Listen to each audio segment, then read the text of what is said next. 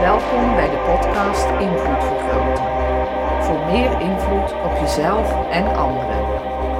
Met licensed NLP Master Trainer en door de Vrije Universiteit gecertificeerde OBM Trainer Coach Joost van der Leij.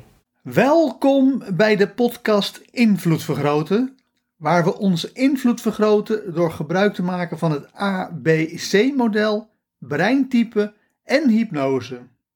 Dit is seizoen 4. In seizoen 4 maken we ABC-analyses van actuele politieke en economische kwesties met Dr. Marius Rietdijk, de complimentenprofessor van de Vrije Universiteit van Amsterdam.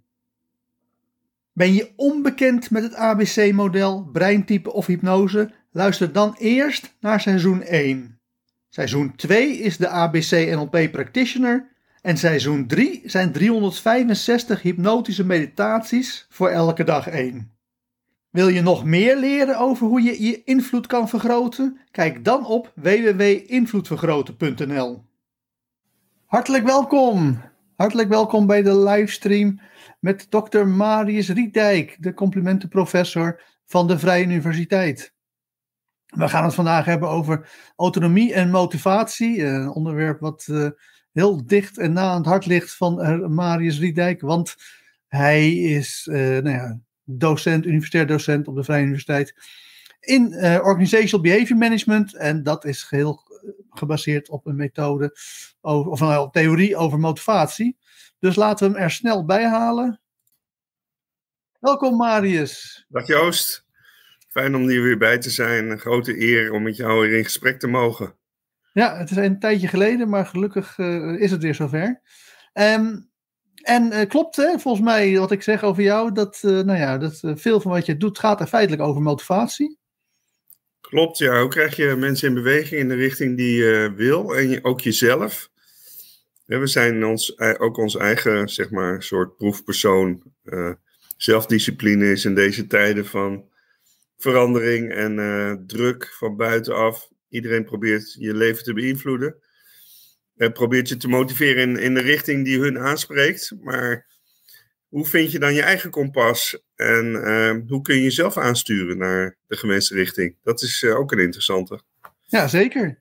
Uh, dat, nou, dat klinkt al een beetje als volgens mij op het ogenblik de meest populaire theorie over motivatie.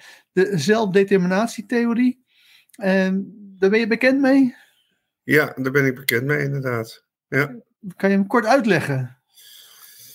Uh, nou, ik, ik heb hem altijd een beetje ingewikkeld uh, gevonden. Um, zelfdeterminatietheorie gaat er vanuit van autonomie.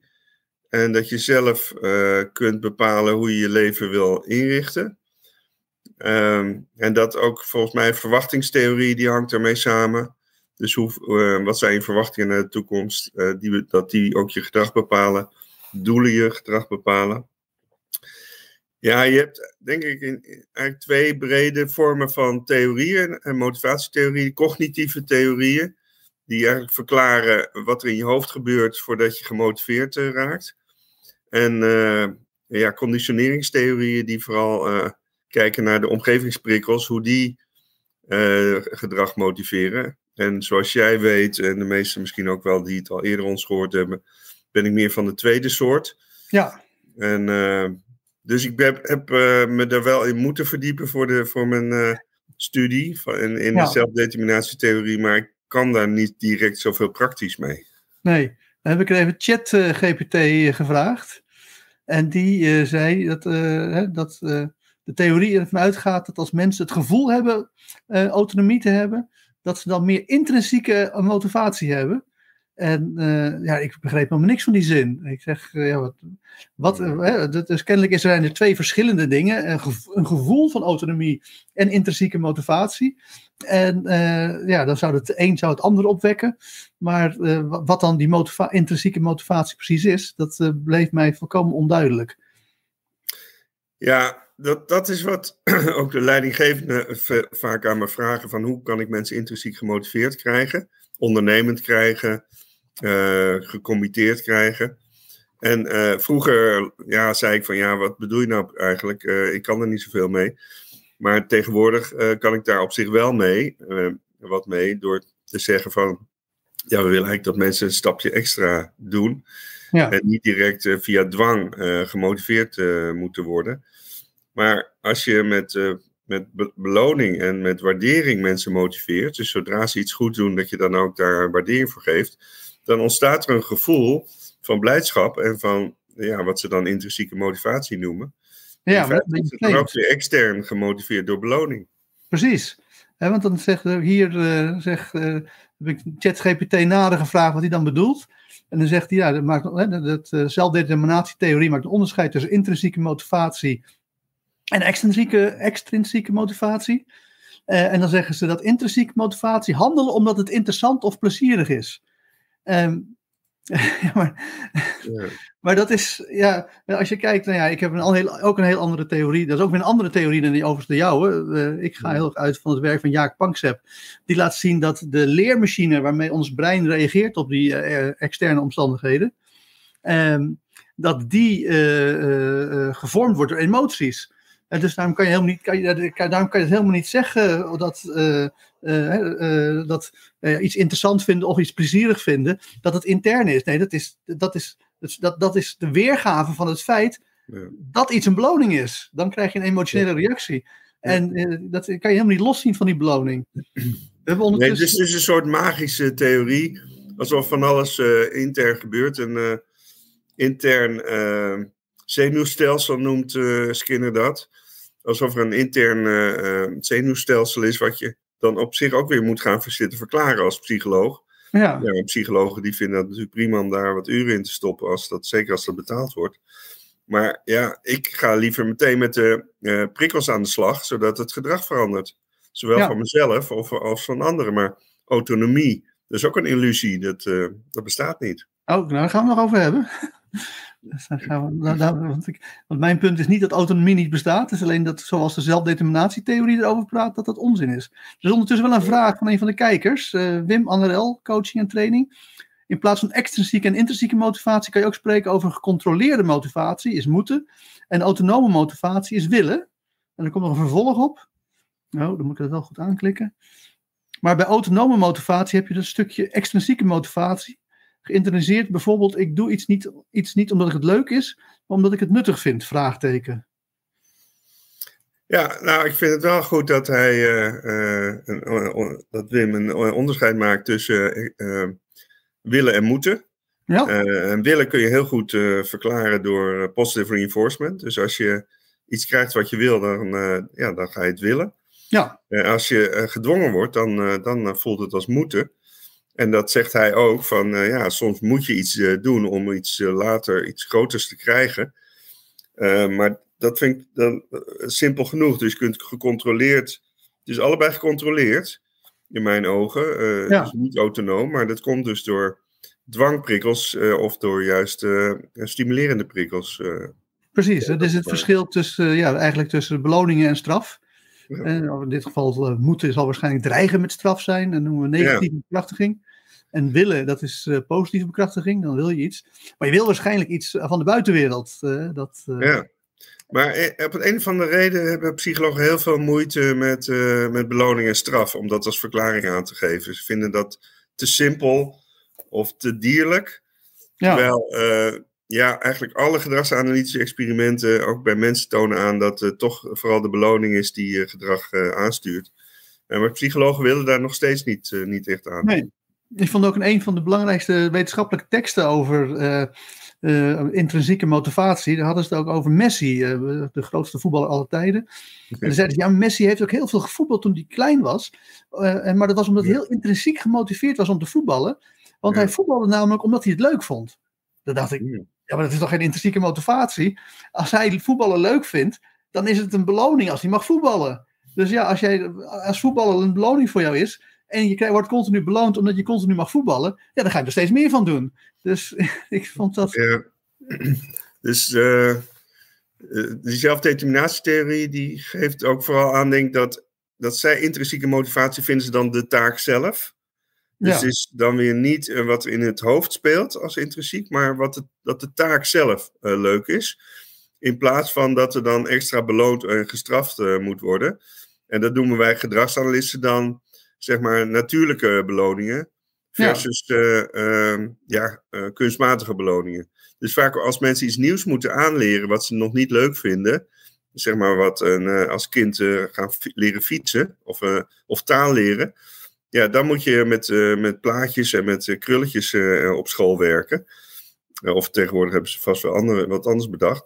en, maar op een gegeven moment wordt dat dan zo leuk op zichzelf, omdat je daar natuurlijke beloningen voor krijgt. Maar het is niet Precies. de taak zelf, maar die taak die levert ook weer beloningen op. Ja, dus dat, maar dat, dat, nog even, dat klinkt in mijn hoofd allemaal heel, heel, heel extern.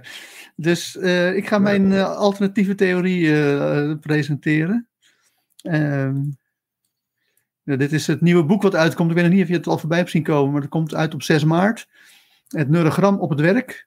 En daar gaan we het ook. Uh, nou ja, de autonomie staat in het schema. Hè. Ik weet niet of je kan lezen aan de onderkant, maar ik heb nog een slide gemaakt die iets groter is. Namelijk sociale stabiliteit versus autonomie. Want, uh, ik ga uit van het werk van Jaak Panksepp met zeven primaire emoties, die de leermachine vormen waarmee we leren door externe omstandigheden. Um, en die is dus heel emotioneel gekleurd. En het feit dat je, het feit dat je emotioneel reageert, dat zit wel ingebakken. Maar dat is niet een intrinsiek. Ja, het, wat, ja, het is minimaal intrinsiek in de zin dat je brein die emotie produceert. Maar die produceert die emotie op het moment dat er iets externs gebeurt. Ja. Alleen uh, zijn er dus kleine verschillen uh, in, die, in die leermachine. En die uh, geven het verschil. Twee, dat zijn de twee belangrijkste assen. We gaan zo meteen het andere as bekijken. Maar de belangrijkste, een van de belangrijkste assen is sociale stabiliteit versus autonomie. Uh, namelijk uh, dat voor sommige mensen, ja, daar is autonomie belangrijker. Voor andere mensen is het welzijn van de groep belangrijker. En die, dat is een beetje een wisselwerking. Als je heel hoog scoort op sociale stabiliteit, dan heb je minder met autonomie. En als je veel op, op autonomie scoort, dan, zoals ik, dan heb je weer minder met sociale stabiliteit. Um, kun je daar iets, in, iets in, in terugzien dat je denkt van. Nou, ik kan er iets in terugzien in de zin uh, van sommige mensen inderdaad meer. Uh, uh, ja, ik noem dat dan de extreme, de autonome mensen die echt alleen autonoom willen zijn, autistisch. Als ze heel in de extreme kant zitten. En sociale stabiliteit, dat het meer de psychopaten zijn. Dat klinkt heel extreem, mensen die sociale stabiliteit willen, die zijn niet zozeer in de inhoud geïnteresseerd van wat anderen vinden, maar die willen de, ja, de, uh, de samenhang inderdaad, uh, de sociale samenhang uh, bevorderen. Terwijl autonome mensen, ja, die zijn ook vaak met, niet met mensen bezig, maar meer met dingen of met teksten alleen bezig. Ja, Nee, ik heb er het. Uh, ik, ik, denk, ik ga jou eens lok, kijken of ik jou kan verleiden deze theorie over te nemen. Want dit is allemaal. Uh, dit is allemaal. Dus dat is het belangrijke punt. Het is allemaal aangeboren gedrag. Dat zit diep in het brein. Er is neurologisch onderzoek naar gedaan. Die kan ook de gebieden aanwijzen waar het vandaan komt. Maar ik heb dat nou eens vertaald naar uh, beloning en straf. En dan is uh, sociale stabiliteit is met een groep een beloning binnenhalen. Dat zien we ook bij OBM. Je kan het uh, mensen individueel belonen, maar je kan ook een heel team belonen. En uh, ja. nou, dan is autonomie is dus individueel een beloning binnenhalen. En, en sommige mensen die, ja, nogmaals, het idee van mijn theorie, of niet mijn, van Jaak Panksepp en Cybernetic Big Five Theory, is dat sommige mensen dus gevoeliger zijn om met een hele groep een beloning binnen te willen halen. Terwijl andere mensen eh, meer denken van ja, ik vind het niet zo lekker om met een groep een beloning binnen te halen. Ik heb liever dat ik mijn eigen beloning in mijn eentje binnenhaal. Um, ja, ik weet niet of dat. Ja, oké, okay, jij denkt dat, of vindt dat er twee typen mensen zijn. Nou, wel meer, maar. Je, oh, ja, oké. Okay. Een van de verschillen. Ja, dat, je, dat er sommige groepen mensen zijn ook, en mensen die willen met een groep uh, wetenschappers iets doen. Anderen willen met een uh, groep uh, van Hercules Ajax verslaan, bijvoorbeeld. Zeker. Die mensen scoren allebei hoog om met een groep een beloning binnen te halen. En ik zou zeggen, het verschil tussen, jij, tussen jou en mij is ook dat jij veel meer gericht bent om met een groep een beloning binnen te halen. En ik meer gericht ben op individueel een beloning binnen te halen. Ja, maar het kan ook bijvoorbeeld weer per levensfase verschillen. Want ja, ik wilde... idee dat dit uh, echt ingebakken zit en dat het wel kan verschillen. Want het moet uiteraard heel dynamisch zijn. Dus om het heel complex te maken, op het moment dat jij uh, aan het stressen bent of aan het uh, ontspannen bent, dan gaat je brein meer richting de individuele kant. Terwijl mijn brein, als het aan het stressen is, juist meer richting de groep gaat. Maar in de neutraalstand, dan zou ik zeggen dat jij het interessant, meest interessant vindt om met een groep een beloning binnen te halen. En dat ik het interessant vind om individueel een beloning binnen te halen. Terwijl jij ook wel houdt van om voor de klas te staan. Ja, maar dat is dus niet heel erg, dat is dus niet een hele sociale activiteit van mij. Hè? Ik heb ook altijd gezegd van, ik wil, vroeger zei ik altijd, dat heb ik afgeleerd. Maar uh, dan dacht ik altijd dat, nou ja, dat heb ik wel eens gezegd tegen groepen, maar dat bleek niet heel goed te vallen. Zeg van ja, maar jullie zijn gewoon een leerervaring voor mij. Ik heb dat gewoon georganiseerd zodat ik iets kan leren. En daarna heb ik, dacht ik van oké, okay, maar als ik dan toch voor een groep moet staan, dan is het vooral een podium te laten zien hoe geweldig ik ben. En toen heb ik uiteindelijk geleerd dat het uiteindelijk, als je voor een groep staat, dat het de bedoeling is dat de mensen die in de training zitten iets leren. Dat was voor mij een soort openbaring. Dat ik, oh, moeten zij iets leren? Nou, dat was helemaal nieuw voor mij. En, uh, en het, het, werk van Kate Benson, uh, mijn uh, compagnon uit Engeland. En zij zegt altijd: als de mensen het in de, in de klas niet geleerd hebben, dan heb jij het als leraar niet onderwezen. En toen dacht ik, mm, misschien moet ik toch meer rekening gaan houden met het feit dat mensen in de groep ook iets moeten oppikken. Want ik heb ook het gevoel bij jou dat je ook geld heel belangrijk vindt. En dat, dat kun je ook bereiken door met een groep, de groepen te, te doseren. Dus je bent ook wel iemand die met een groep een beloning binnenhaalt. Mm, ja, ik denk dan nog steeds dat het heel erg uh, mijn, mijn, mijn, eigen beloning is. En om een voorbeeld te geven, uh, nou, jij werkt voor een universiteit, voor de Vrije Universiteit. En daar moet je toch veel samenwerken. Sterker nog, je bent tegenwoordig zelfs de voorzitter van de OR. Nou, dat lijkt me dan uitermate een functie waarin je veel moet samenwerken met mensen. Ja. En nou, ik heb ook wel de kans gehad om als filosoof te gaan promoveren. Maar toen had ik het al helemaal zoiets van, meedoen. En dan is de faculteit wijsbegeerte natuurlijk nog eens een keer honderd keer kleiner dan de faculteit uh, bedrijfskunde en uh, economie. maar dat zelf vond ik dat, mijn brein vond dat al eigenlijk een te grote groep. En daarna heb ik een jaar met Pink Rocade gewerkt en dacht ik ook, man, wat doe ik hier in dit uh, bedrijf? Dat is gewoon allemaal... Dus ja, mijn brein heeft erg de neiging om, om heel moeilijk mee te gaan met groepen. En, het, en, en, ik zal direct toegeven dat dat, uh, en dat komt ook omdat uh, mijn gevoeligheid voor materiële beloning inderdaad waarschijnlijk wat groter is. Ik vind het gewoon zonde als allerlei mensen mee eten van mijn taart. Terwijl. Uh, ja. Maar dat, is, dat er verschillen zijn tussen mensen in hun, wat ze belonend vinden, dat is, vind ik ook heel normaal en begrijpelijk. Ja, maar jij ziet het meer als... jouw brein bij te halen. Ik zie gewoon jouw gedrag. Jij ziet ook jouw gedrag. Ja, maar zou je het brein daar nog als verklaring onder leggen? Nou, omdat we, dat is, uh, hoe zeg je dat? Om twee redenen. Eerste plaats omdat, uh, uh, dat, hier gaat het echt over een aangeboren deel, wat gewoon direct bij de geboorte al in het brein ingebakken zit. Dus nou, dat is dan interessant om te weten, want als je van daarvan is daar geen beïnvloeding van buitenaf gekomen. Ja, misschien vanuit de baarmoeder, maar laten we niet het al te technisch maken. Um, Tweede punt is, is dat, dat voor jou dat die gevoeligheid voor beloningen heel erg uniek is per mens. In de zin dat iedereen heeft andere soorten gevoeligheden voor andere beloningen. Mensen willen iets anders. En uh, je hebt weinig de neiging om daar uh, grotere patronen in te zien. Terwijl ik denk, nou, er is wel degelijk een grote patroon in te zien. Namelijk mensen die denken van, ja, we kunnen veel beter samenwerken. Dan krijgen we een veel grotere taart. En dan is mijn deel is ook een stuk groter dan mensen die zoals ik denken, die denken van, nou, ik heb er niet zoveel vertrouwen in dat het met, met de hele groep de taart groter wordt. Ik ga eerst maar eens even zorgen dat ik mijn eigen taart krijg. En... Dat vind ik, het lijkt me heel moeilijk te toetsen wat het nature en nurture effect daarvan is. Ja, dat lijkt me juist heel makkelijk, want dat hebben ze namelijk uitgebreid getest. dus als je kan, uh, dus, dus het, uh, nou, we hebben al hier ABC en LP staan. ABC, dat is het grote model van uh, conditioneringstheorieën. Um, dat gaat kortweg uh, gaat erover dat consequenties uh, nou ja, veel meer invloed hebben op gedrag dan de zogenaamde antecedenten. Um, maar die theorie die mist een mechaniek. Er is niet, er wordt gezegd dat het zo werkt, maar niet gezegd hoe het zo werkt. Er wordt geen mechanisme uitgelegd van hoe, hoe een beloning wordt waargenomen en hoe die waargenomen beloning dan zich omzet in toekomstig een grotere kans op bepaald gedrag. En ik denk dat deze theorie juist, uh, dat beweer ik niet, hè, maar ik ben het gewoon eens met de wetenschapper die dat bedacht heeft, namelijk Jaak Panksepp. Die zegt van ja, maar ik, ik lever een mechaniek. Hij is helemaal met dat helemaal, daar helemaal mee eens. Maar hij zegt, maar ik lever een mechaniek aan hoe dat werkt. Hij zegt van, hè, dus de mensen in een subjectieve beleving, die ervaren die beloning als heel emotioneel. En dat kan negatief of Mhm. positief zijn. Ja, ja. En in die emotionele eh, waardering, daarmee wordt het brein beïnvloed om dan eh, nou ja, de, de, de, de kans te vergroten dat in de toekomst dat gedrag eh, weer opnieuw plaats gaat vinden. En dat kleine verschillen in hoe, hoe die subjectieve emotionele waardering is, eh, afhankelijk van wat voor soort eh, patronen je in je brein hebt zitten, ja, die maken je gevoelig voor het een of voor het ander. Dus ik denk dat het een hele Ja. mooie aanvulling is op elkaar. Hmm. ja. ja, misschien dat we een beetje langs elkaar heen praten hoor. Maar Nee, nee, ik denk dat we ik allebei denk dat, dat bewustzijn eh, ook eh, dat je zeg maar ook aandacht hebt voor datgene wat in het verleden eh, lonend voor je is geweest. Ja. En dan lijkt het alsof het door iets intrinsieks en door bewustzijn wordt bepaald, terwijl dat ook weer dat bewustzijn. Maar het is ook wel een wisselwerking natuurlijk, wat het organisme doet en wat, wat de omgeving doet. Want je bent ook weer een deel van de om- omgeving van andere mensen. En van de fysieke omgeving, waar je ook natuurlijk eh, direct invloed op kunt uitoefenen.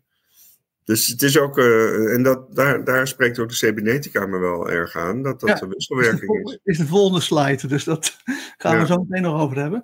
Ehm, maar ik, want ik vind namelijk, Skinner heeft wel een goed, Skinner heeft een goed argument. Hè? Die zegt, we hebben, het heeft helemaal geen zin om eh, dat hele proces in het brein te beschrijven. Ja. Want eh, als jij namelijk zegt van em, een persoon doet dit omdat zijn brein zus en zo in elkaar zit.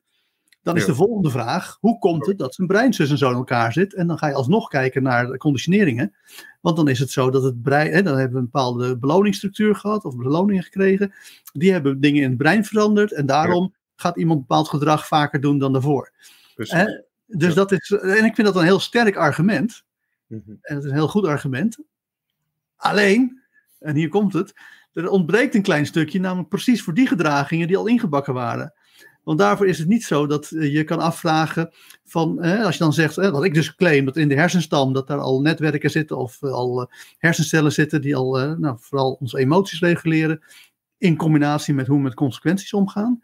Eh, daarvan kan je niet zeggen dat die ontstaan zijn aan de hand van beloningen, want die waren er al bij de geboorte, toen er nog helemaal geen beloningen plaatsgevonden hadden.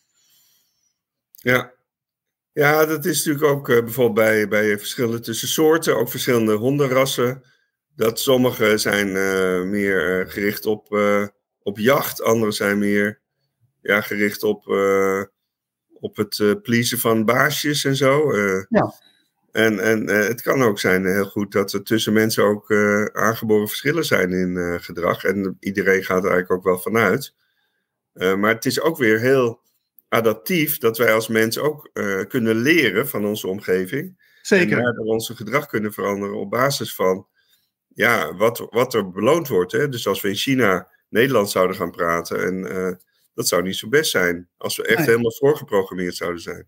Nee. Dus eh, Maar dus voor de duidelijkheid, het overgrote deel is aangeleerd. En het Ja, is maar een heel, heel klein deel wat, eh, wat aangeboren is.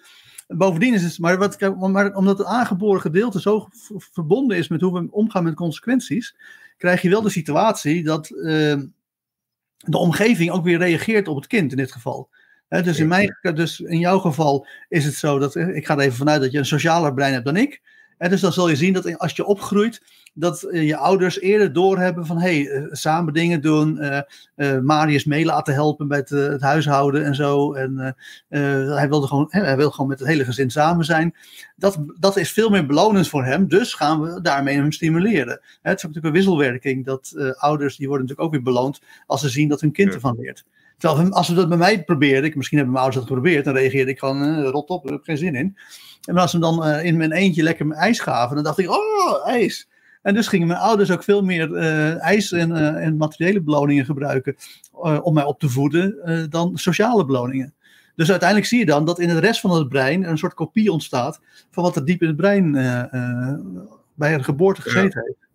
Nou, in mijn eigen leergeschiedenis was het zo dat ik op de derde klas van de lagere school ging naar een andere lagere school. Ik werd een beetje gepest. Ik was klein en dunnetjes en zo. Dat is nu totaal anders. Ehm, en toen kwam ik op die nieuwe basisschool en toen zei de juf tegen mijn moeder van ja, hij is toch een beetje stil. Hij zou eigenlijk op een eh, teamsport moeten. Kijk, Ja, misschien eh, moet hij bij Bloemendaal gaan hockeyen. Nou, daar had ik zelf niet zoveel mee met hockey, maar er zaten ook jongetjes die gingen voetballen. Dus toen ben ik op teamsport gegaan. En dat heeft mij wel, denk ik, erg beïnvloed. ja, Dus eh, ik was ja, van En vond je het leuk, teamsport? Ja, dat vond ik ook Ja. eh, leuk. Ja, ik ben ook Eh. op teamsport gegaan, maar dan volleybal. Typisch weer van Ja. alle teamsports weer het meest individualistische. dus nou ja, ik denk dat het allemaal geen toeval is. Ik ga door naar cybernetica, daar had je het ook al over. Want je kan namelijk ook, dus het, eh, ik heb altijd het idee dat eh, eh, conditioneringstheorieën en cybernetica een soort twee kanten van dezelfde medaille zijn. Maar dan praat je in termen van doelen en strategieën in plaats van beloningen. en dan heb je het verschil dat nou ja, sommige mensen gewoon meer het, het interessanter vinden om met elkaar samen te werken aan een groepsdoel en met elkaar afgesproken strategieën te volgen. En eh, dat, eh, dat, dat, dat, dan heb ik weer het idee dat het voor jou dat veel fijner is. Terwijl voor mij, dan denk ik altijd, pff, waarom gaan we nou achter dat doel aanrennen? Nee, nee, ik wil mijn eigen doelen creëren en eh, strategieën verzinnen. En ja, opnieuw geldt dat, eh, ik, zeg niet dat dit, dat dit iets anders is. Ik, heb, ik claim nog steeds dat dit hetzelfde is als sociale stabiliteit versus autonomie. Maar dan cybernetisch beschreven. Ja, wat, wat ik, ik kreeg ook bij gezinstherapie toen ik dat bestudeerde, wat heel erg op de gedragstheorie en de conditioneringstheorie was gestoeld. Maar ook was daar de, de cybernetica heel belangrijk bij. Bijvoorbeeld, als je hebt eh, conflicten tussen eh, ouders over het opvoeden van kinderen, dat die dan niet als eh, systeem, oudersysteem, boven de kinderen gaan staan. Er zou wel echt een, volgens die aanpak, moest er wel echt een hiërarchie zijn tussen ouders en kinderen. En ehm, ja, dat is, wordt ook door de cybernetica wel beschreven, dat je subsystemen hebt en suprasystemen. En dat er een onderscheid moet zijn in hiërarchie. En, en de gedragsanalyse zeg maar, en de conditioneringstheorie, die zegt niks over hiërarchie. Dus Nee. daarin vult het ook echt goed aan, vind ik.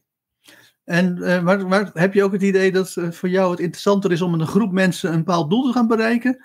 Of heb je toch het idee, nee, ik wil liever mijn eigen doelen verzinnen en dan eh, daar een beetje achteraan rennen? Ja, ik denk dat het ook in de biologie, de selfish gene, en met name wat de Dawkins-revolutie wel was, dat iedereen op, voor zijn eigen belang gaat, maar de sommigen Ja. denken dat ze via de groep hun eigen belang beter kunnen bereiken eh, dan. En Ja, het is, ik dat geloof niet, ik zelf ook heel erg in, dat laatste. ja, nee, ik beweer niet dat het, eh, eh, het, dat, dat het beide niet het eigen belang is. Het idee is dat mensen Ja. dan denken van ja, als je met z'n allen aan een doel werkt, dan kan je gewoon grotere doelen bereiken. Dat, nou ja, ik ga binnenkort een, nieuw bedrijf oprichten met, met A- rond AI. En dan heb ik dan met de compagnon heb ik het erover gehad. Van ja, stel dat er nou een investeerder komt, ben je dan bereid om eh, aandelen te laten verwateren? Met het idee van ja, dan, eh, dan hebben we minder, dan hebben we minder eh, aandelen, procentueel gezien. Maar omdat we dan ja, met, met een groter team bezig zijn, met meer mensen, dan is dat kleinere pakketje aandelen is meer waard. Dus dat is Ja. wat mensen denken van als je kan samenwerken. En, ik, Ja, en ik, ondanks het feit dat ik dat dan niet heel graag doe, zie ik dat wel. Ik denk wel dat je ze Mm. moet samenwerken om iets groots te Mm. bereiken. We hebben de Breintraining Coöperatie opgericht om dat is een droom van mij, eindelijk, eindelijk werkelijkheid geworden. Maar het was ook een droom om dan ja, toch te kijken of een klein beetje meer konden samenwerken. Maar dan zijn we nu met z'n zevenen. Ja, dat is nog steeds een relatief kleine groep. En ik, zoals je weet, eh, ben ik ook, eh, besteed ik best wel veel tijd aan mediteren. Dan ben ik dus Mhm. heel erg op mezelf. En Ja. dan eh, denk ik ook dat ik mijn brein behoorlijk eh, aan het beïnvloeden ben door, eh, door nieuwe neurale netwerken aan te leggen. Doordat ik allerlei herinneringen aan elkaar knoop. En dat maakt het weer voor mij weer heel goed mogelijk om dan juist weer de, de boze buitenwereld bij wijze van spreken in te gaan. Om met mensen te gaan samenwerken. Ja, Dus die, die ja, hangen ook weer met elkaar samen, dat autonomie. En volgens mij, voor mij zijn het niet altijd gescheiden dingen. nou ja, ik denk dat op het moment dat jij mediteert, gok ik dat je ook ontspant. En dan ben je meer autonoom bezig. En ik denk dat als, Ja. eh, nou ja, als de OR jou belt tijdens een meditatie, eh, dat je dan zoiets hebt. Nou ja, neem je waarschijnlijk de- niet eens de telefoon op, maar stel dat, je de tele, dat er iemand van de staf langs zou komen en zeggen: Waar is wakker worden? Want de, de OR belt. Dat je dan zoiets hebt van: ja, eh, ik ben nu aan het mediteren, bekijk het maar. Terwijl, eh, maar als je dan, eh, nou, weet ik veel, zeven dagen lang gemediteerd hebt, ja, daarna heb je weer eh, zeg maar, de batterij opgeladen en Ja. dan ben je weer geheel beschikbaar. Ja, had ik vandaag bijvoorbeeld dan ook een uur, of ik heb dan een uur en twintig minuten gezeten. Even een verloren eh, minuutje, paar minuutjes ook weer even zitten. zitten. Ja, dan ben ik dus niet, word ik in beslag genomen door externe prikkels, maar door interne prikkels. En dat laat me heel erg ook op, per dag weer heel erg op. En als er dan gebeld wordt, dan kan ik ook weer vrij snel in die ontspannen houding ook toch wel dat, dat telefoontje weer aannemen. Ja. Terwijl bij mij is het zo, als ik mediteer, dan moet je mij niet lastigvallen. Maar als ik dan klaar met mediteren ben, moet je me ook niet lastigvallen. dus ik denk dat, ja, dat zijn toch. Uh, en ik denk dat dat dus, uh, nou ja, kleine ja. ingebakken verschillen zijn. Ja. En we hebben nog een tweede onderscheid. Want ik denk namelijk, kijk, wij zijn begonnen met, uh, ik ga er kom zo terug hoor, over socialiteit en, en versus autonomie, omdat er op internet heel vaak die zelfdeterminatietheorie wordt gepromoot. En dan kijken ze alleen maar naar autonomie. Maar ik heb hier al gezien dat het, ja, het, sommige mensen worden meer de autonomie uh, gemotiveerd. Uh, zo, dat zit bijvoorbeeld bij mij ingebakken. Maar andere mensen, en nogmaals, ik gok dat jij dat bent, die worden meer door sociale stabiliteit gemotiveerd. Maar zo is er nog een tweede as, die ze helemaal over het hoofd zien. en dat is namelijk het verschil tussen exploratie en exploitatie. Um, sommige ja. mensen vinden het gewoon heel leuk om dingetjes uit te zoeken. En die willen zich ja. vooral bezighouden met de vraag, dat heb ik van jou geleerd, effectiviteit, doen we wel het goede? En ja. andere mensen uh, uh, die denken van nee, je moet vooral exploitatie doen. En je moet vooral je afvragen. Ja. Volgens mij een woord verkeerd geschreven. Nou, dat laten we even zo zijn. Efficiency is wat verkeerd geschreven. En we moeten vooral afvragen, doen we, doen we wat we doen wel op de goede manier? Ja, ik, ik, ik heb dus ook een tijdje in de gemeenteraad gezeten. En toen sprak ik een keer met burgemeester van Zanen. Dat was toen de tijd burgemeester van, van Amstelveen. Van ja, wat valt je nou op als uh, burgemeester? Ja, mij valt op hoeveel hobby's mensen, mensen hebben. Dus ze hebben de gekste hobby's bij wijze van Maar vond, vond je ook uh, aandoenlijk of uh, vond je ook heel leuk en mooi om te zien. Ja. Maar dat, die zijn dus heel efficiënt met allerlei eigen dingen bezig. En ja, zo zit de mensheid ook een beetje in elkaar. Hè? Dat we allemaal heel goed zijn in een klein dingetje. En we hebben allemaal, vaak mannen ook juist eerder dan vrouwen, denk ik, hobby's. Wat ze dan helemaal uh, tot op het bot uitwerken. en ja, dat, dat is ook weer bij mij met mediteren. Dat ik dan juist weer een beetje de hoofdzaak ga zien. En uit die out of the box ook kunt gaan denken. Uit die ja. efficiency. En meer kijken, waarom ben ik ook nou de dingen aan het doen die, die ik ook wil. En die ja, zeg maar door de bomen het bos weer kan zien. Ja, maar je hebt vermoeden dat hier minder verschil bij ons zit. Dat we allebei behoorlijk aan die exploitatiekant zitten. En dat we vooral vinden dat het belangrijk is dat we nuttige dingen doen. En dat, uh, nou ja, een beetje de exploratie kan ook het verkennen van de buitenwereld zijn. Dan gaan mensen gaan heel veel reizen en dan gaan ze vaak, nou ja, van die, van die chef-koks die dan een, een, trip naar Japan nemen om inspiratie op te doen. Nou, ik denk niet dat jij en ik naar Japan hoeven te gaan om inspiratie op te doen. Dat kunnen we genoeg nee. zelf doen. Maar ook heel vaak natuurlijk het exploreren van de eigen binnenwereld. Nou, dan vind ik dat waarschijnlijk nog ietsje leuker dan jij als filosoof. Uh, kan ik wel allerlei leuke dingen zoeken. Maar uh, ik denk dat we allebei meer aan de exploitatiekant zitten. Namelijk gewoon, we willen gewoon, nou ja, dat, het, dat het, wat we doen wel een beetje nut heeft. Ja. Uh, is het uh, effectiviteit, is dat dan uh, geen nut? minder op nut gericht? Het is meer, meer, meer, korte termijn versus lange termijn. Dus ik heb hier ook wel wat discussie over vaak met softwarearchitecten. En die zeggen van ja, wij, wij gaan juist binnen een bedrijf eerst heel geëxploreren. Want als zij nieuwe software moeten ontwikkelen, ja. omdat de oude software gewoon echt niet werkt, dan is het de meest efficiënte manier om tot de goede software te komen, is om ja. eerst exploratie te doen. En niet proberen ja. om meteen het bestaande systeem te op. Dus het is allebei, net zoals dat de vorige, deze, is ook allebei gericht op het behalen van doelen. En dat is allebei ja, wat je zelf belangrijk vindt, wat je zelf je eigen doel doet. Alleen de, de strategie is anders. Gaan we, ga ik in mijn eentje een doel bereiken of gaan we het met z'n allen? En hier is het ook meer van, ja, gaan we gewoon nu meteen uh, kijken of in, de, in detail of we processen kunnen optimaliseren? Of gaan we eerst gewoon eens eventjes wat langer nadenken en wat meer rondkijken om te zien of we gewoon iets heel anders moeten doen? Het is ja. allebei uiteindelijk gericht op, weer opnieuw. Want hier komt, want ik heb hier ook namelijk, kan ik ook een mooi, nou ik heb hier gewoon natuurlijk gewoon ik heb hem nu al goed gespeeld. Phew. Ja, dus, uh, je kunt het wel. Ja, ja ik moet alleen nog even goed moeten kijken. Maar uh, dus explore, mensen, die, met heel, mensen die hoog scoren op exploratie, die, zijn vooral, die, die hebben heel veel behoefte aan meer variatie. Die vinden gewoon heel snel dat een beloning uh, een verzadiging tot, tot, uh, tot ja. verzadiging leidt. En uh, die moeten weer iets nieuws vinden. En dan, daarom gaan ze maar weer ex exploreren. Ja. Terwijl mensen die nou ja, meer gericht zijn op exploitatie, dan is die verzadigingsfactor is veel lager. en dan, ja, die kunnen heel veel, heel veel langer kunnen ze gewoon steeds hetzelfde doen. En dan zijn ze inderdaad gericht om dat zo efficiënt mogelijk te doen.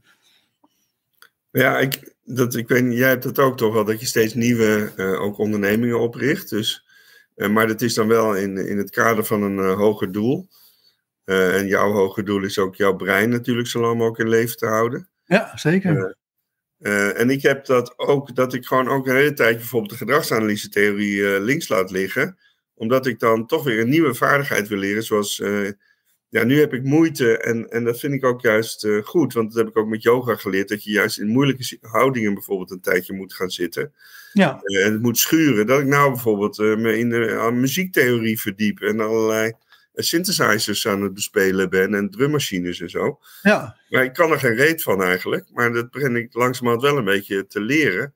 Ja. En dan heeft het ook eigenlijk niet direct nut. Dat zie ik althans niet direct. Ja, ik, zie, het, ik zie het toch meer als bekende, bekende beloning zo efficiënt mogelijk binnenhalen. Want uh, je gaat niet je eigen muziekinstrument uitvinden. Je gaat ook niet een heel eigen nieuwe muzieksoort verzinnen. En je gaat niet ook hele experimentele uh, muziek uh, maken. Terwijl uh, mensen die hoger scoren dan jij en ik op exploratie, ja, die doen het wel. Hè. is mijn favoriete componist uh, die gok dat het heel erg uh, explorerend brein had. Ja, als je dan die muziek hoort, dat is een chaotische aaneenvulling van noten en op toch wel een of andere reden toch mooi. Ja, die, die had daar meer gevoel voor. Nou ja, die, die vond het gewoon interessanter. En ik, ik ben heel blij dat hij door Stalin continu uh, teruggefloten werd. Want die mocht niet zo experimenteel zijn van Stalin. Het moest toch ook een beetje fijn zijn voor de arbeider. En daarom zijn zijn symfonieën zijn zeg maar net of zo op het scherpst van de snede. Maximale chaos die hij erin wilde brengen. Uh, maar dan toch nog zeg maar, net genoeg patronen. Zodat het domme volk, uh, waaronder ik hoor, ook ervan kan genieten. Terwijl als je dan naar zijn kwart, kwartetten, wat die dingen nou in ieder geval voor vier, de, kamermuziek voor vier uh, instrumenten luistert. Daar had hij de helemaal vrije hand. Dan mocht hij doen en laten wat hij wilde. Hmm. Nou ja, dat is, zeg maar de hoeveelheid chaos die erin komt. Dat wordt meteen maal tien. En dan, ja, dus ik vind het dan ook minder leuk. Maar dan moet je er langer naar luisteren. Dan wordt de chaos op een gegeven moment geen chaos meer. Ja, maar dat, ja, dat lukt mij dan weer minder. Maar als ik iets nieuws wil leren, bijvoorbeeld met AI, dan, uh, dan, uh, nou ja, dan ben ik wel op zoek naar gewoon uh, dan ben ik gewoon op zoek naar hoe kan ik dat gewoon zo efficiënt mogelijk inzetten. En niet eh, naar. Eh, hoe kan ik dat. Uh, bijvoorbeeld, ik kan het vast verklappen. Dit prachtig nieuwe boek wat eraan zit te komen. Dan gok dat er ongeveer de helft door de AI geschreven is. Ja, dat het veel sneller geproduceerd is dan normaal. Ik zit nu op 72.000 woorden. En ik vermoed dat er zo'n 36.000 woorden door de AI geproduceerd zijn. De autonomiehelft of de motivatiehelft? Uh, nou, het gaat over vijf onderwerpen: werving en selectie, teambuilding, uh, talentmanagement, uh, cultuurverandering en veiligheid. En ja. dus bijvoorbeeld veiligheid, daar weet ik gewoon relatief weinig van. Dus dat heb ik gewoon allemaal gewoon keurig braaf door de AI laten verzinnen wat, dat, wat padveiligheid is en zo. En nou, talentmanagement weet ik ook niet zoveel van af. Dus al die talenten die er dan door al die al die clubs die talentmanagement verkopen, worden uh, opgeschreven. Dan heb ik gewoon de AI laten beschrijven wat dat inhoudt. Maar opnieuw kunnen we hier ook cybernetisch naar kijken. En dan krijg je nieuwe doelen en strategieën zoeken. Vergens bekende doelen zo efficiënt mogelijk bereiken met bekende strategieën. Ja. En dus als ik kan zeggen, jouw muziek, eh, jouw, jouw zoektocht naar uh, muziek uh, kunde, dat, dat, ja, dat is een bekend doel. Hè? Je kan weten dat je muziek kan maken. En het is, wat je aan het aanleren bent, is gewoon, nou wat zijn gewoon goede strategieën om die muziek te leren. Terwijl, uh, ik had... Ja, om een bepaald effect ermee te bereiken, hè? want dat is ook met goochelen bijvoorbeeld. Nou. Het gaat er uiteindelijk om, wat levert het voor reinforcers op? Voor, voor, voor mezelf in eerste instantie, maar ook voor, de, voor een groep inderdaad, als ik uh, weer met groepen aan de slag ga. Ja, maar als ik bijvoorbeeld, uh, ik heb ooit in een punkband gespeeld uh, als bassist. Nou, ik kon uh, helemaal niks van. want dat was in een punkband niet heel erg. Want Sid Vicious van de Sex Pistols, die was ook de bassist, die kon er ook niks van. Maar onze gitarist, een goede vriend van mij, Frank, werkt nog steeds samen mee. Die heeft zich helemaal uit zichzelf gitaar leren spelen. Helemaal, en hoe? Door gewoon een plaat van Jimi Hendrix op te zetten. En net zo lang te proberen totdat het hetzelfde klonk als Jimi Hendrix. Ja, dat heeft hem jaren gekost. Maar ik gok dat jij, nog ik, daar het geduld voor hebben. Brian May ook, hè, die, uh, die stergitarist van Queen, die, die heeft het ook helemaal zelf aangeleerd. En zoals zoveel. Ja. En ik weet niet wat die Engelsen dan, die voelden zich misschien na twee eeuwen overheersen van de rest van de wereld zo superieur, dat ze dachten ook wel even de muziek opnieuw te kunnen uitvinden. Ja. Met hun taal. En dat is hun gelukt in de jaren 60, 70 en daarna. Ja. ja, maar ik heb het vermoeden dat dat dus vooral door mensen die hoog scoren op nieuwe doelen en strategieën zoeken, oftewel een nieuw soort beloningen zoeken, dat die daar een, een belangrijkere rol in speelden dan in de uh, bekende beloning zo efficiënt mogelijk binnenhalen. Dat, uh... Ja, en je hebt die bekende uh, van Virgin Records en zo. Hoe heet die kerel ook weer, die ondernemer? Ja, dat is. dat is een beetje weggezakt. Richard, Iets met Richard, Richard Branson, ja. Branson, ja. Ja, die in zijn biografie staat dat hij op een gegeven moment. moest hij van zijn ouders, werd hij ergens gedropt een aantal kilometers van hun huis af. En hij was nog een klein jochie. En hij moest het zelf maar zien te vinden. En dat heeft hem enorm, zegt hij, gestimuleerd om ondernemer te worden. Kijk, dus zijn, is mij ook overkomen, maar niet bewust door mijn ouders. Ik, had, ik, wandelde door het bos samen met mijn ouders, toen was ik of zeven, acht. En toen wilde ik dwars door het bos het af, een, een, hoek afsnijden. Maar op een of andere manier was er miscommunicatie. Want mijn ouders waren aan het eind van het pad, wilden ze links. En ik dacht dat ze rechts gingen. En toen kwam ik ergens uit waar ik totaal niet bekend was. Maar ik herkende er iets van. Uh, was vrij, ik woonde toen in Hilversum. Was, ik herkende er iets van de avondvierdaagse. Die had ze ook in de buurt had ik gelopen met de padvinderij. En toen ben ik al helemaal zelf naar huis gelopen. En ben ik thuis gaan spelen. En op een gegeven moment dacht ik, hmm, ze zijn waarschijnlijk mij aan het zoeken. Dus toen heb ik het, uh, de brandweer gebeld. En toen heb ik gezegd, ja dat jongetje wat kwijt is, dat zit gewoon thuis hoor. Maar mijn ouders waren al helemaal in paniek, want ik was al uren weg. En de, was, de politie was al aan het, het bos aan het uitkammen en zo. En toen was mijn ouders aan, waren aan het overleggen met de politiecommandant. Van ja, hoe gaan we dit verder zoeken? En toen kwam dus via de meldkamer dat bericht van dat jochie zit gewoon thuis. Ja, mooi. Ja. Ja, dus zijn, uh, dat, ja, dat zijn mijn uh, uh, afstudiebegeleider ook. Kijk ook naar kritische incidenten in je leven die jou gevormd hebben. Het is heel, heel mooi om ook je eigen biografie te schrijven. En niet voor de buitenwereld per se, maar om jezelf bewust te worden van al die uh, incidenten, prikkels, uh, gebeurtenissen die, uh, die, me, die me gevormd hebben. Ja. Nee, dat vaak zijn mensen daar niet zo mee bezig, maar daar is taal ook heel goed in. Ja. Om, om dat onder woorden te brengen. Ja. Maar ik denk dat in die kritische momenten je ook heel erg bezig bent met ja, wat wil ik nou in het leven en en hoe ga ik dat voor elkaar krijgen dat ik krijg wat ik wil? Ja. Heb jij dat, ben jij heel doelgericht? Ik, ik heb niet het idee dat ik heel doelgericht ben. Ik heb wel dat ik, uh, dat ik uh, mijn omgeving wil shapen in de richting die me wel bevalt. Maar dat ik einddoelen, dat de wereld zo complex is dat ik nooit ook einddoelen realistisch kan uh, bereiken. Dus ik denk dat ik veel meer doelgericht ben dan jij verder dan. Dat zou ook volgens het, mijn theorie zo moeten zijn. Jij bent vooral doelgericht als je ontspant. Ehm, en dan is het ook nog relatief uh, gewoon, uh, nou ja, de gewoon normale dingen des levens op orde hebben. Terwijl mijn brein heel veel neiging heeft om, nou ja, ik heb niks, ik, ik geef mensen altijd een 30 jaren plan in mijn trainingen, maar ik heb voor mezelf een 25.000 jaren plan. Dus dat uh, klinkt wel eens overmatig doelmatig. Maar ik ben ook te Taoïstisch om te denken dat je dan vervolgens je doelen heel bewust kan bereiken. Dus het is wel een kwestie van je. Ik vind het bewustzijn vind ik een rapportagetool. Die moet gewoon rapporteren hoe het intern met je gaat en hoe, het, hoe de omgeving op je overkomt. En die moet zich niet bezighouden met het verwezenlijken van je doelen. Want als mensen heel veel ambitie hebben, dus de uh, Tao is heel, erg is heel erg tegen ambitie. Die zegt, uh, de wereld gaat kapot van ambitie. Uh, maar je moet wel aspiratie hebben. Maar aspiraties zijn gewoon nou, lange termijn dromen. En dan moet je die, maar die moet je voor jezelf neerzetten. En dan moet je die vervolgens moet je die hoe zeg je dat? Uh, ja, vervolgens ja, dan moet je vertrouwen op je eigen onbewuste om het voor elkaar te krijgen. Dat, uh, Als je er heel bewust achter naar gaat streven, dan, uh, nou ja, dan werkt het meestal heel slecht. En het, en het, ja, ik kan niet anders zeggen dat, dat het mij heel veel gebracht heeft. Ik heb ooit op mijn 30 jaren plan, was nog een 30 jaren plan. Toen woonde ik nog in Zwolle en zat ik nog in een relatie die aan het aflopen was. De eerste vijf jaar was prachtig, de tweede vijf jaar was vrij ellendig. En wanneer je met uh, ABC en LP aan de slag gaat, dan word je heel kritisch. En dan ga je ook heel denken van, hmm, wat doe ik in deze slechte relatie? Um, en toen had ik voor mezelf bedacht, en toevallig is ook net een secret uitgekomen, dus van die visualisatieoefeningen. Ik denk, uh, ik wil een penthouse aan het Vondelpark. Want ik wil gewoon heel graag allemaal leuke technofeestjes geven. Een hoop herrie maken. Dat deed ik ook al in mijn rijtjeswoning in Zwolle. Maar daar hadden de buren veel last van. En we hadden echt met enige regelmaat politie op bezoek. Of het even wat zachter kon.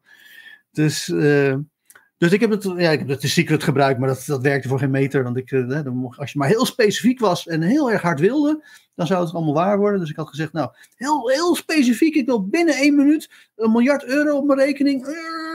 Ik wilde heel hard. Nou ja, een minuut later geen miljard, dus dat viel tegen. Maar ik heb toch de, de, gewoon het 30 jaren plan van de ABC-NLP gebruikt en dat neergezet. En uiteindelijk heb ik geen penthouse gekregen en geen, uh, niet aan het Vondelpark. Maar kreeg ik wel een uh, bovenverdieping van een, uh, nou ja, een, uh, een opbouw bovenop een winkel. En dat bleek, maar dat wist ik helemaal niet. Dat was geen idee hoe men onbewust dat verzonnen heeft. Maar daaronder, zeg maar de, de, de verdiepingen eronder, waar het heel, heel gehoorig was, die hebben bijna twee jaar geduurd voordat daar mensen kwamen wonen. Het moest allemaal verbouwd worden. Dat ging super langzaam. Dus ik heb feitelijk in Zwolle heb ik twee jaar lang in een omgeving gezeten waar ik precies de doelen kreeg waar ik op zoek naar was. Die ik dacht te krijgen via het Vondelpark en uh, een penthouse. Mm. Dus twee jaar lang heb ik heel veel feestjes kunnen geven in het weekend. Tyfus harde herrie kunnen maken. Niemand heeft ooit enig overlast gehad.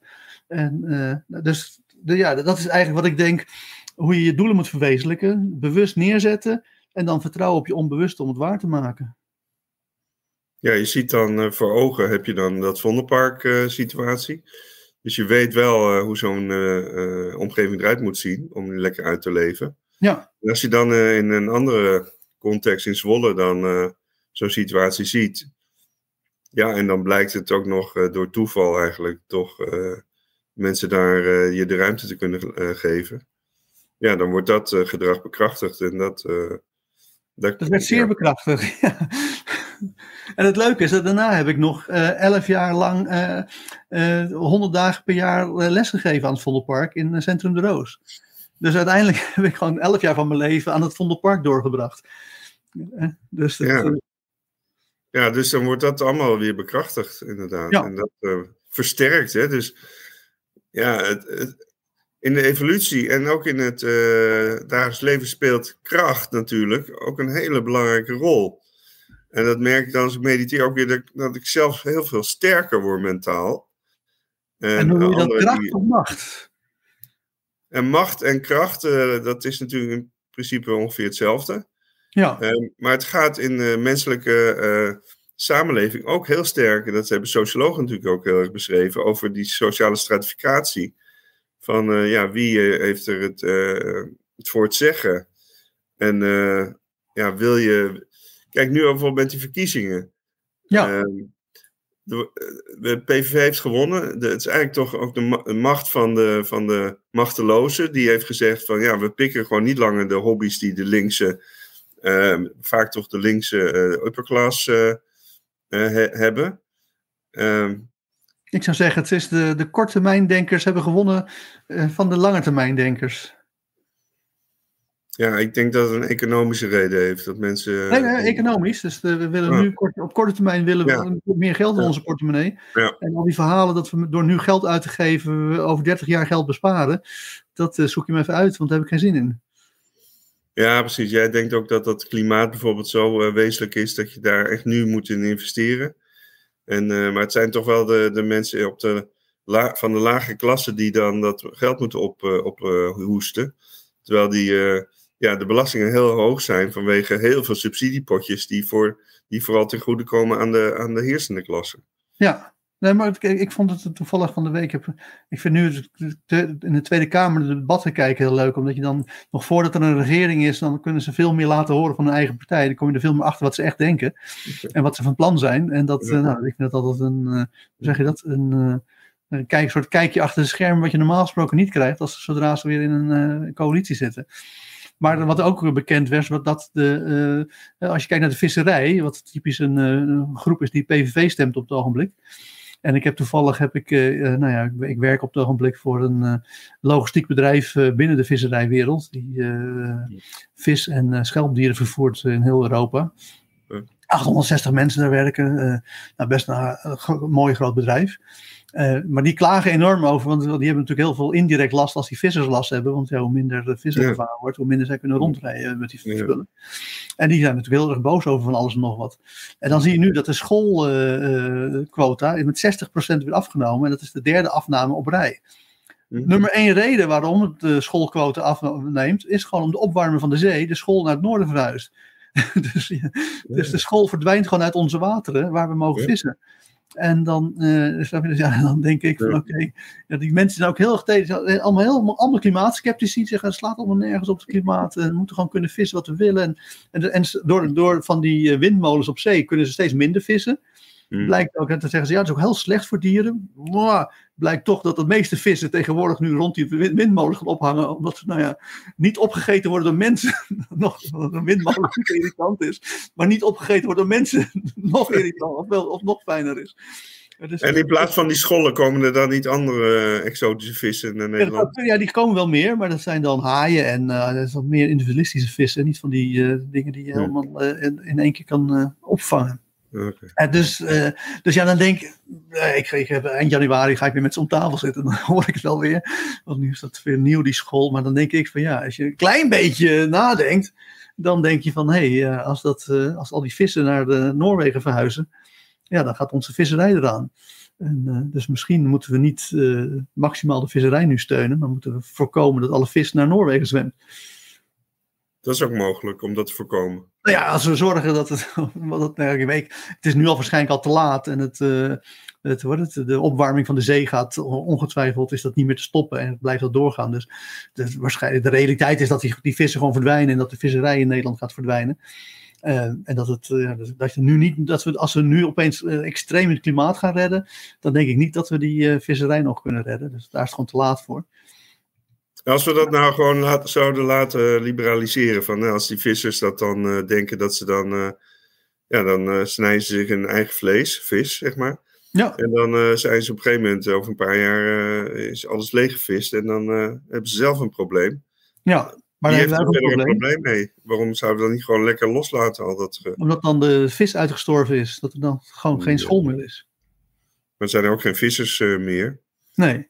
En dan komen die scholletjes wel weer terug vanuit of een ander soortje. Ja, je krijgt andere soorten. Dus wat je gaat krijgen is, dat, het blijkt bijvoorbeeld dat uh, octopussen heel erg gedijen en andere uh, uh, inktvisachtige beesten. Dus je krijgt een heel zee vol met inktvissen. Dus nou ja, je moet dan hopen dat je van inktvis... Ja, ik vind de inktvis heerlijk, dus aan mij ligt het niet. Maar ik heb liever een inktvis dan een school. Maar... Maar dan, ja, dan leren we wel inktvissen lekker te vinden als er zoveel van zijn. Ja, nee, gegarandeerd. Dat is...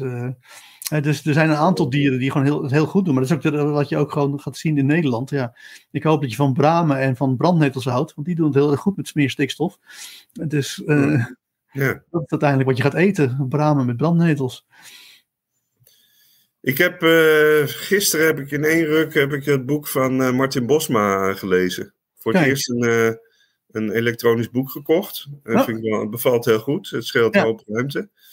Uh, maar hij heeft toch wel een hele verrassende kijk, vind ik, op uh, ja, hoe bijvoorbeeld tegen nationaal socialisme en rechts wordt aangekeken door de linkse groepen en door andere. Um, ja, waarom zeg ik dat nu direct? weet ik eigenlijk niet. niet maar nou ja, bijvoorbeeld. Bosma ja. natuurlijk een vertegenwoordiger is van de korte termijndenkers. Die gewoon willen dat we zorgen dat er nu moet er gewoon geld in mensen in portemonnee komen. Nou, ik, ik vind hem eigenlijk een van de weinige, uh, en misschien verschilt hij ook best wel van Wilders. Uh, want Wilders wil toch ook heel veel geld uh, aan, aan de lage klasse geven en bijvoorbeeld ja. het eigen risico afschaffen.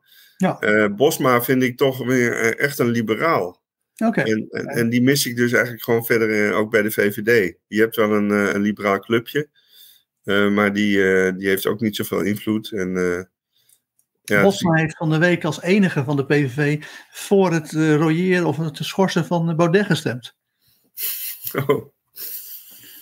Ja, over, over het uh, niet aanmelden van nevenactiviteiten. Precies. Ja. Dus dan, maar ik snap wel waarom, omdat hij vanuit het presidium moet hij dat gewoon doen. En als ja. voorzitter moet hij dat ook doen. Het is belangrijk dat hij gewoon als, goed als voorzitter werkt.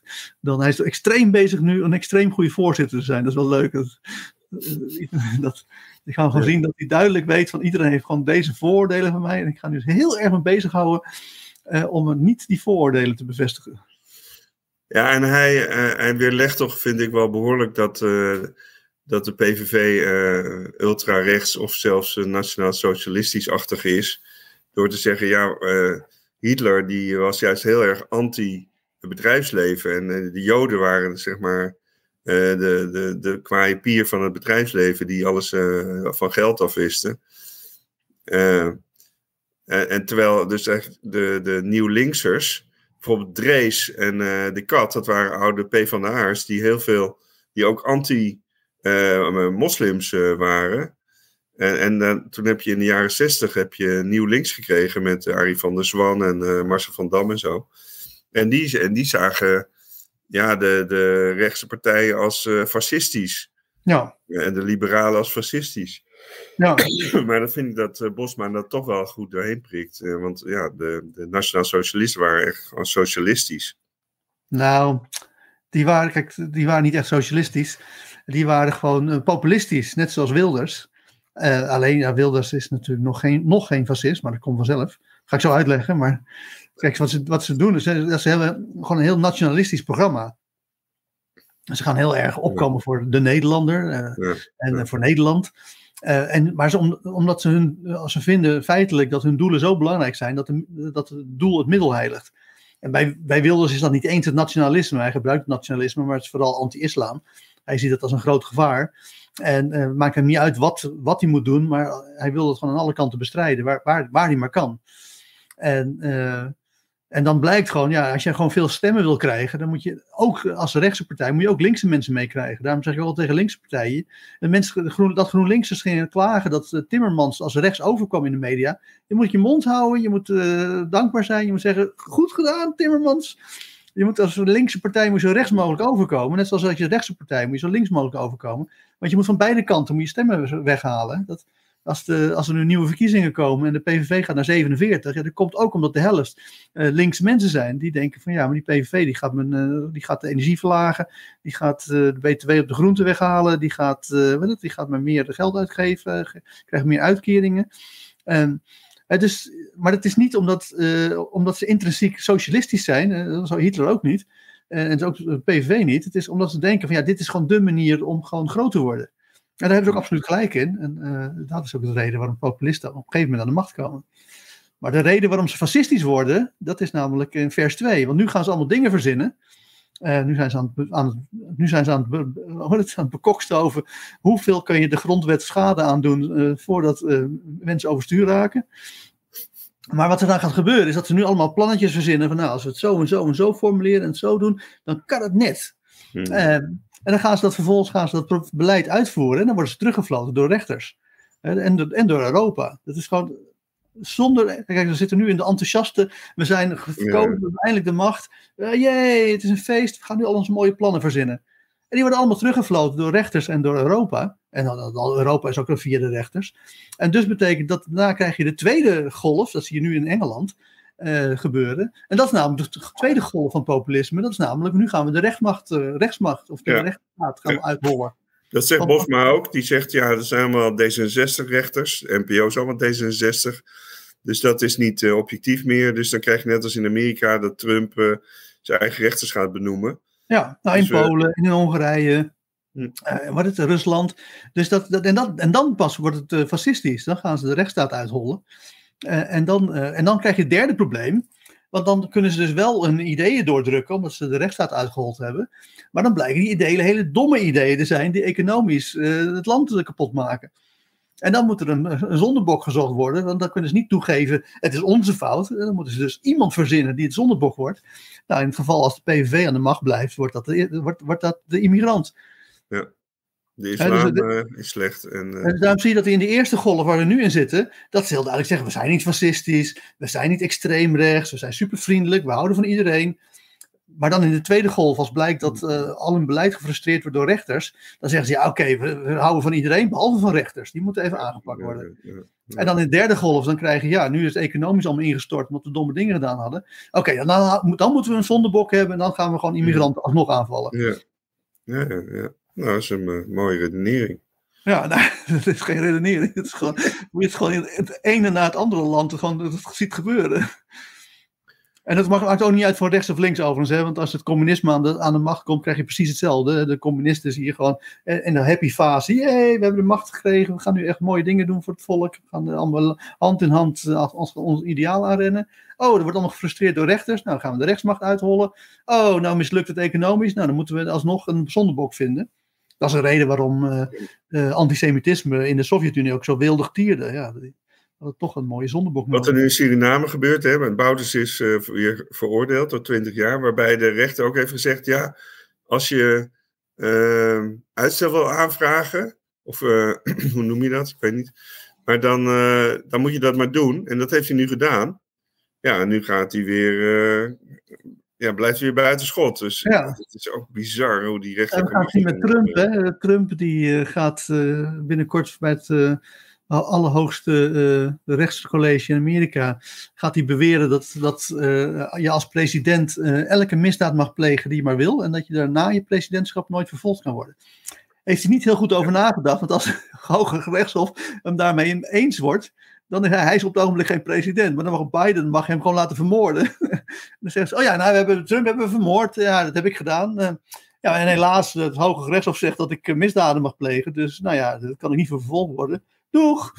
Dus het is een, daar hebben we van mij niet heel erg over nagedacht. Ja, maar ook die klassenjustitie, dat dan zo sterk, als je dan een beetje geld hebt, zoals Trump, of aan, aan gelden kan komen, dat je dan net zo lang door kan procederen, net als veel bedrijven, dat je altijd wint. Ja, nou ja, in dit geval is het zo. Hij, hij wilde helemaal de boel vertragen met hoge beroepen. En de, de, aankla, openbaar aanklager heeft gezegd: ja, dat gaan we allemaal niet doen. Ik, ik, we, gaan, we eindigen toch bij het hoogste gerechtshof.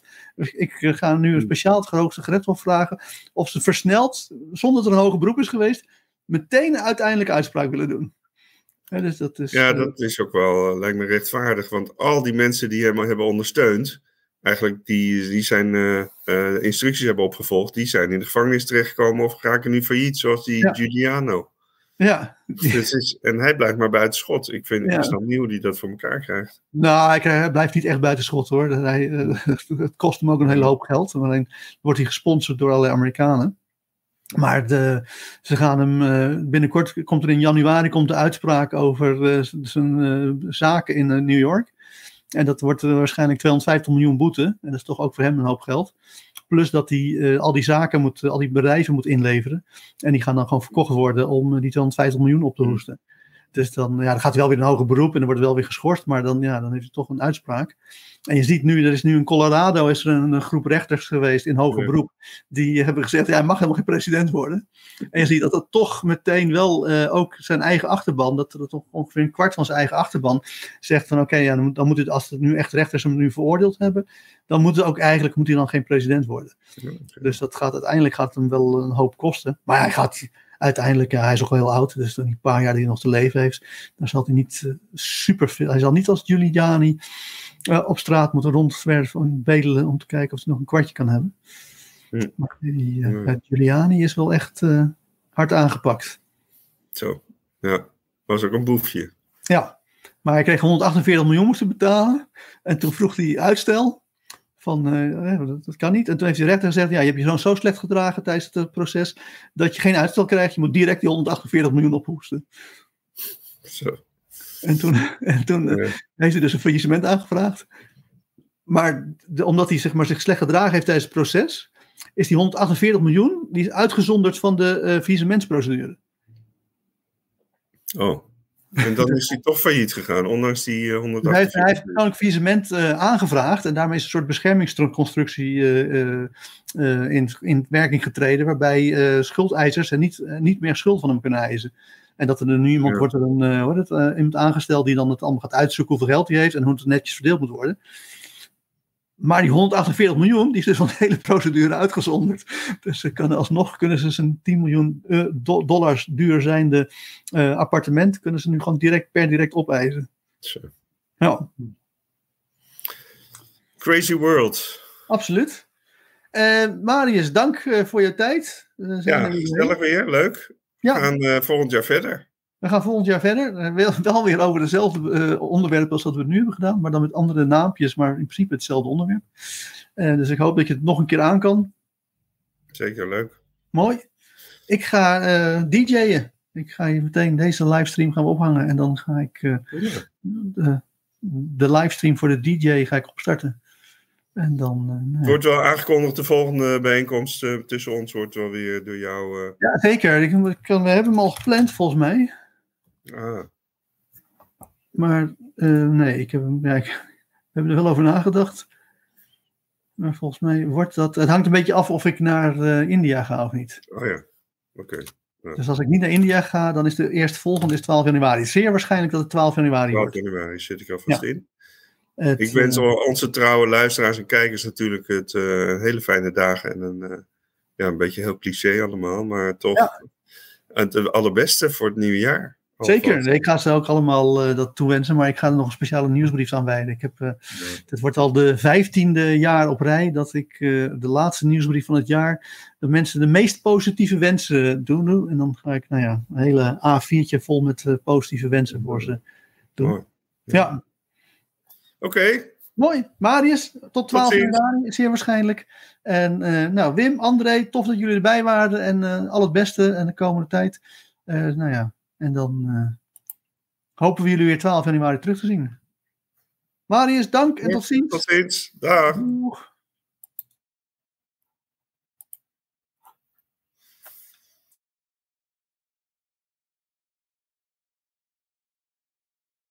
Dank voor het beluisteren van de podcast Invloed Vergroten. Voor meer gratis tools om je invloed te vergroten, ga naar invloedvergroten.nl.